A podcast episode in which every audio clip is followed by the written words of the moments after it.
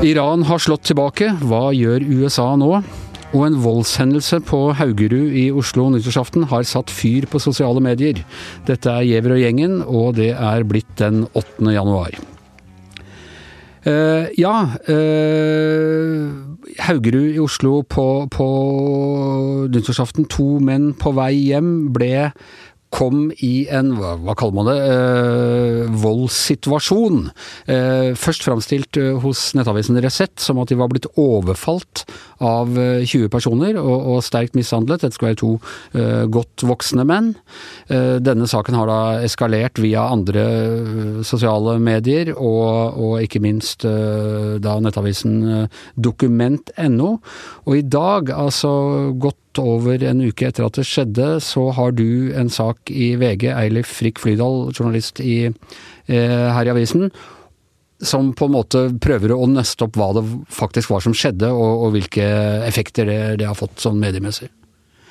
Og hva er, hva er det vi vet om denne saken? Det vi vet om denne saken eh, så langt, er at uh, to menn ble hardt skadet i et slagsmål på Haugerøy nyttårsaften. Tidlig om morgenen uh, natt til 1. januar, firetida. Og de var i slagsmål med i hvert fall tre andre, som politiet møtte på da ved Trosterud, ti minutter unna. Litt lenger ut på morgenkvisten, og som kunne fortelle at de hadde blitt angrepet av disse to mennene. Så det er muligens motstridende historier om hva som har skjedd, men det som vi vet er at politiet nå etterforsker saken for å prøve å finne ut av eh, hva som har skjedd, og, og jobbe videre med å kartlegge det, og så følger vi det på ordinært vis som eh, avis. Ja, Men det var ikke 20 stykker som hadde overfalt dem? De første sakene i, eh, på nettstedene Dokument og eh, Resett, de baserte seg på eh, oppdateringer i sosiale medier fra folk som bor i Haugerud-området i Oslo. De som hadde lagt ut de statusoppdateringene, var nok ikke førstehåndsvitner til hendelsen, og baserte seg på informasjon de hadde fått. Og i de postene sto det at det var snakk om 20, rundt 20 ungdommer eh, som hadde mishandlet eh, og angrepet disse to personene. Ifølge politiet så er nok tallet langt nærmere fem. Og det er det vi også har basert vår journalistikk på. Så det er fem stykker i konfrontasjon med to? Det er tre stykker i konfrontasjon med to. Tre stykker, så hele, samlet sett så, så var det fem stykker. Ja. Og det har jo ligget da implisitt eh, og, og eksplisitt i både i sosiale medier og i disse nettavisdekningene at dette var en form for rasistisk vold. Altså at det skulle være uh, folk med en annen type eh, etnisk eller kulturell bakgrunn som hadde overfalt uh, etniske nordmenn. Et sentralt poeng her er at både Resett og Dokument.no publiserte sine saker 4.1 basert på disse oppdateringene i sosiale medier mener, uten at politiet hadde bekreftet hendelsesforløp eller hva de hadde foretatt seg i saken. Og eh, til forskjell fra oss, så inneholdt jo da de sakene feil eh, om hendelsesforløp og antall involverte. Det, det, begynner å bli helt åpenbart. Um, jeg må nesten bare sitere fra, fra dekningen til eh, dokument.no, som, som, sier en del om, om, hvordan disse tingene her. Eh, journalisten i dokument.no skriver at jeg har latt meg fortelle at noen land, av landets største redaksjoner vil vente til de får saken bekreftet. Hvorfor? Uh, og det, det er, er vel for å unngå den typen feil da, som forekom i deres første saker. Det som virkelig tok fyr, var jo kommentarfeltene på Resett og dokument.no. og Det har vi også gjort et poeng ut av i dagens avis. Der framkommer det konspirasjonsteorier om eh, det man kaller muslimsk vold. At eh, mediene og politiet eh, legger lokk på det og ikke vil skrive om det og fortelle om det fordi at det er hvite som ble angrepet, og at dette er rasistisk vold fra mørkhudede mot hvite mennesker. Ja, kan sitere en som kaller seg Mjølner på dokument.no. Dette indikerer at det må være mange lignende drapsforsøk, overfall og voldtekter som blir skjult for oss. Kommissærene som styrer politi og rettsvesen jobber for islam og mot de etnisk norske. Vi skal ofres slik at de kan føle seg gode.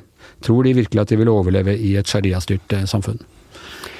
For å prøve å komme til bunns i hva som hadde skjedd, så dro vi til Haugerud i går. Eh, vi fant det som er åstedet for hendelsen. Det er eh, Det er viktig å, få etablert hvor det var.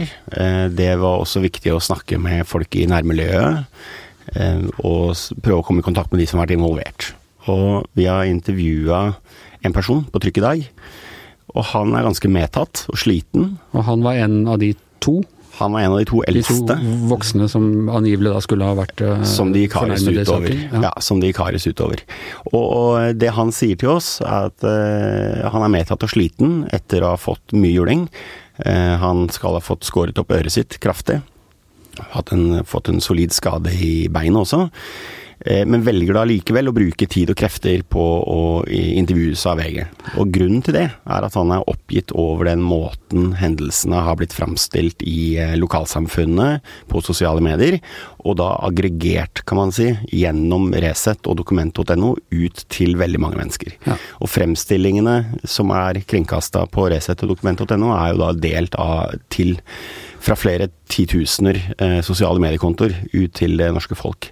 Og han reagerte på framstillingen, og hans største ankepunkt, som han sa veldig eh, kjapt i samtalen, det var ja, men jeg er jo ikke hvit. Nei. Jeg er jo mørk. Han er mørk selv. Eh, sånn at eh, dette om at det er rasistisk motivert vold mot hvite fra mørke, det er bare tull. Ja, uh, sitere vår, vår, gamle venn Peder Fjordmann Jensen, som selvfølgelig er da på, på ferde i uh, kommentarfeltet til dokument.no.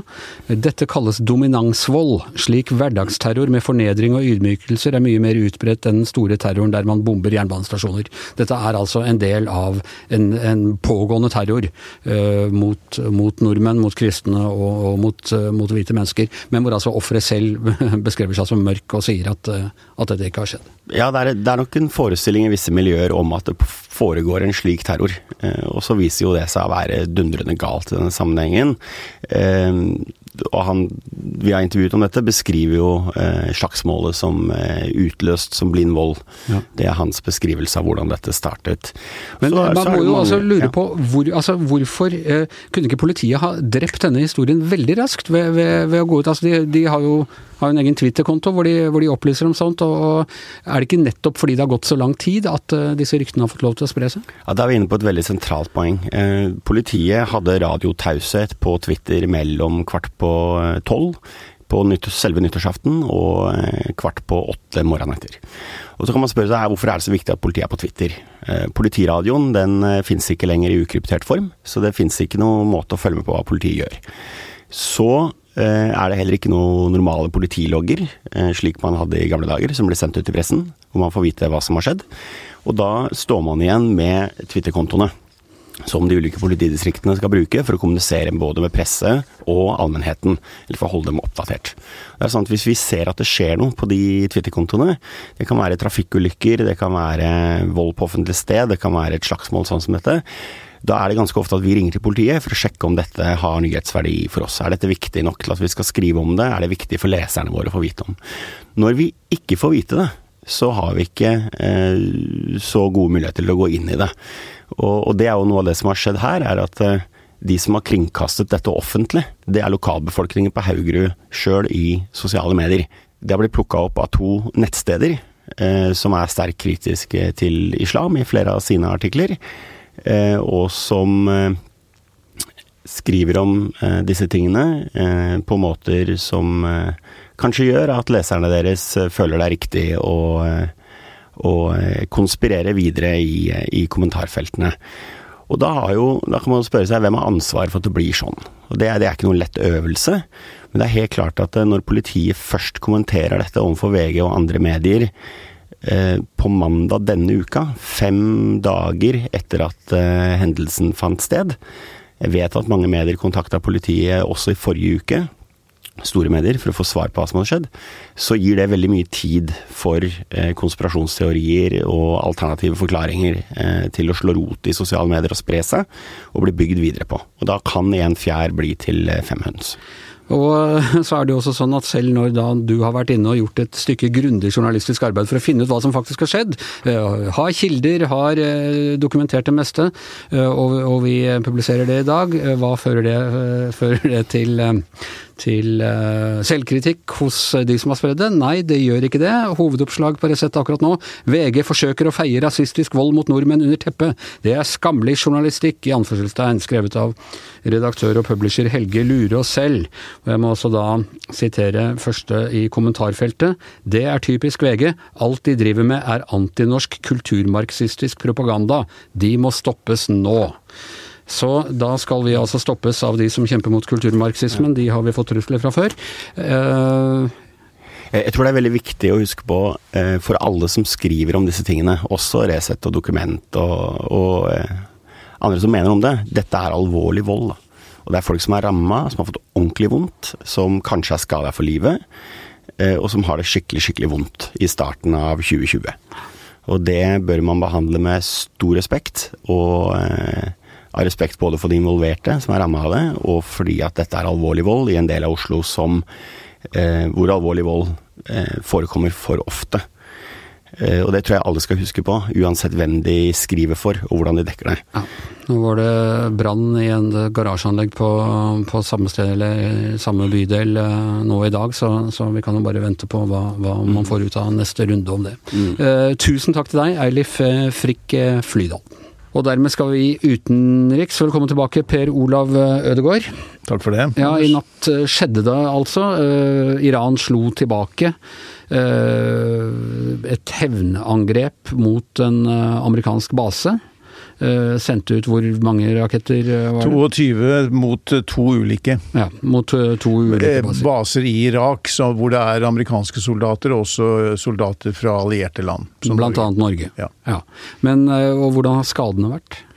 Ja, vi, vi, venter jo egentlig på å få en fullstendig oversikt over det, i hvert fall fra amerikansk side. Det, vi, det som til nå har vært sagt, er at ingen amerikanske eller Eh, andre allierte landssoldater er blitt eh, skadet eller i, den, i dette. Um, uh, mens Iran, i hvert fall på hjemmebane, jo påstår at det er 80 mennesker som er blitt drept i disse angrepene. Um, Iran snakker egentlig med litt to tunger her. De snakker med én uh, De bruker sin utenriksminister uh, Sarif, eh, som snakker utad eh, til verden, og er liksom opptatt av at det er bare en proporsjonal respons i forhold til det USA allerede har gjort. At det blir med dette her, og at det eh, at på en måte holde en dør åpen for at nå er dette avsluttet, og vi, skal ikke gjøre noe mer. Mens på hjemmebane så den øverste leder er mye hardere i tonen. offisielle media i Iran er også mye tøffere. De snakker om store tapstall, som sagt, og Ali Khamenei sier at dette er et slag i ansiktet på Amerika osv. At, at uh... Angrepet, deres angrep, deres angrep ja. mot de amerikanske er, styrkene er et slag i ansiktet men det, på dem. Men det er retorikk. De sier at de nå har slått veldig hardt tilbake. Vil de være fornøyd uh, med dette? De vil, vil sende, de, vil sende, ut to signaler. ikke sant? De vil si til verdenssamfunnet at vi har ikke noe ønske om å trappe dette ytterligere opp. Selv om det i seg selv er en alvorlig opptrapping å, skyte raketter mot en baser. Base. Ja, og overhodet ikke legge skjul på at det er vi som står bak. Det er en veldig dramatisk opptrapping, men de har liksom på en måte signalisert at vi ønsker ikke å gå videre nå. Eh, men på hjemmebane så har de også et behov for å si ifra at de vil slå hardt tilbake etter, denne, etter drapet på eh, generalen. Ja, Men signaliserer de at de vil slå mer tilbake eh, enn det de nå har gjort? Hvis USA gjengjelder dette som nå har skjedd. Ja, Men, men per nå de, mener de liksom at de er even Steven? Ja. Eh, det vi ikke har helt eh, kontroll på, de har noe kontroll på det, men det som er litt vanskelig å si, er hvordan en del av deres allierte i regionen kan også komme til å reagere overfor eh, amerikanske nærværet der. Ja. Eh, vi vet jo disse militsstyrkene som de støtter i Irak f.eks., eh, som også mistet sin leder i dette droneangrepet på, mot flyplassen. De har jo også sagt at de vil svare på sin måte, men det gjør de jo ikke uten at det er i samforståelse med Teheran og Iran. Men ok, da er det altså USAs trekk igjen vi venter på. Eh, når vi sitter her så har ikke Donald Trump eh, sagt noe ennå, men han lovet i natt at han skulle adressere eller snakke til eh, nasjonen i morgentimen i dag. Ja, det eneste han sa i natt var jo egentlig at alt er vel, og, og vi har de sterkeste militære styrker i hele verden. Og nå skal vi bare vurdere skadene her, men foreløpig ser det bra ut, eller hvordan han formulerte det. sånn at det er vi, Men det har ikke kommet noen umiddelbar respons. Han sa jo sist søndag at hvis hvis Iran på noen måte reagerer mot USA eller mot amerikanske interesser, amerikanske soldater, så vil det komme en umiddelbar reaksjon fra USA. Det har jo ikke kommet. Nei. Uh, ville da gjort det hvis det hadde gått med et amerikansk liv i, i, denne basen? Er det liksom bare flaks, uh, eller uflaks for iranerne, eller hva du skal si, at, at dette ikke ble så langt mer alvorlig? Noe av, noe av det vanskelige problemet her er at jeg syns Trump har på en måte malt seg litt inn i et hjørne. Altså Han har uh, forsøkt å, å true og, og, og, og presse, altså øve et maksimalt press mot Iran for å antagelig oppnå forhandlinger eller, eller, komme videre der, men det har ikke virket. Nå har det kommet inn i en, en opptrappen, en spiral, en voldsspiral. Det er ikke egentlig så lett å se en vei ut av det. Vil framstå, Trump vil jo åpenbart framstå sterk, handlekraftig. Um, samtidig så har han, tror jeg, ikke noe ønske om å starte en stor krig. Nei. Det så det, det, er å håpe at situasjonen er over med dette så langt? Jeg, tror, jeg, jeg synes dette er en, en, anledning hvor de faktisk kan komme seg ut av den voldsspiralen. Jeg tror ikke, Det ser ikke ut som det kommer noen nye ira, iranske reaksjoner nå. Eh, og USA har en anledning, en mulighet til å i hvert fall eh, stanse den eskaleringen. Det betyr ikke at disse problemene er løst. Nei. Du, Vi må bare ta to ord om, om dette flyet også, som tok av fra, fra Khomeini International Airport, eh, og som da har styrtet i, i Ukraina eh, i løpet av natten. Og det virker jo veldig, altså nesten helt utrolig, at en så stor ulykke, som det jo er ganske langt mellom eh, i verden, skulle skje akkurat samme natt som uh, Iran skyter raketter på en amerikansk base? Ja, og likevel så har vi jo ingen som helst holdepunkter for å kunne knytte disse tingene sammen. Det er et veldig rart sammentreff og et veldig, en, en, en forferdelig ulykke som skjer der på morgenen. Altså kun um, noen eh, få timer da, etter eh, at disse rakettangrepene har funnet sted. Ehm, først så ble det sagt at eh, dette var tekniske problemer ved flyet. Så har de vel sagt at gått noe tilbake på dette og sagt at dette må jo da granskes videre. Det skal granskes, selvfølgelig. De har funnet de svarte boksene. Det er ingenting som tyder på noe, noe annet, men Men, men hvem skal, er det iranerne som skal Iranerne granske? insisterer på å gjøre det selv. Ja, de vil ikke levere fra seg dette, det skal granskes der. men da med ukrainske observatører til stede. Da, Men i ren spekulasjonsøyemed kan det tenkes at man lager en sånn offisiell reaksjon? Man skyter noen raketter mot noen baser og passer på at de ikke gjør for stor skade, og så samtidig viser man verden at det finnes også andre reaksjonsmåter? Her rammer man da et sivilt fly fra Ukraina, som ikke har noen part i denne, i denne konflikten. Eh, og det, det, det, holder jeg eh, for helt usannsynlig. Ja, Så det er rett og slett en tilfeldighet. På toppen av det hele var det jordskjelv i, i Iran? Ja, faktisk. Det, var, det, har vært en utrolig dramatiske dager. Vi, vi snakket i går om eh, Det var jo et, flere titalls som ble drept under under begravelsen til generalen, og, og, og, nå har vi hatt dette siste døgnet, så det Er det endetiden som eh, nærmer seg? Ja, nå skal ikke jeg være noen teolog her, Anders. Jeg har en viss interesse for sånne um, endetidstegn, som, fordi det er mange som er opptatt av det i Midtøsten, og jeg følger jo med på den debatten. Men jeg veldig, jeg har alltid vært veldig varsom med å lese inn ting i noe endetidsperspektiv. Det har du jo eh, gjort uh, lurt i, for alle alle spådommer om endetid har slått feil så langt, men uh, før eller senere så må de jo ha rett.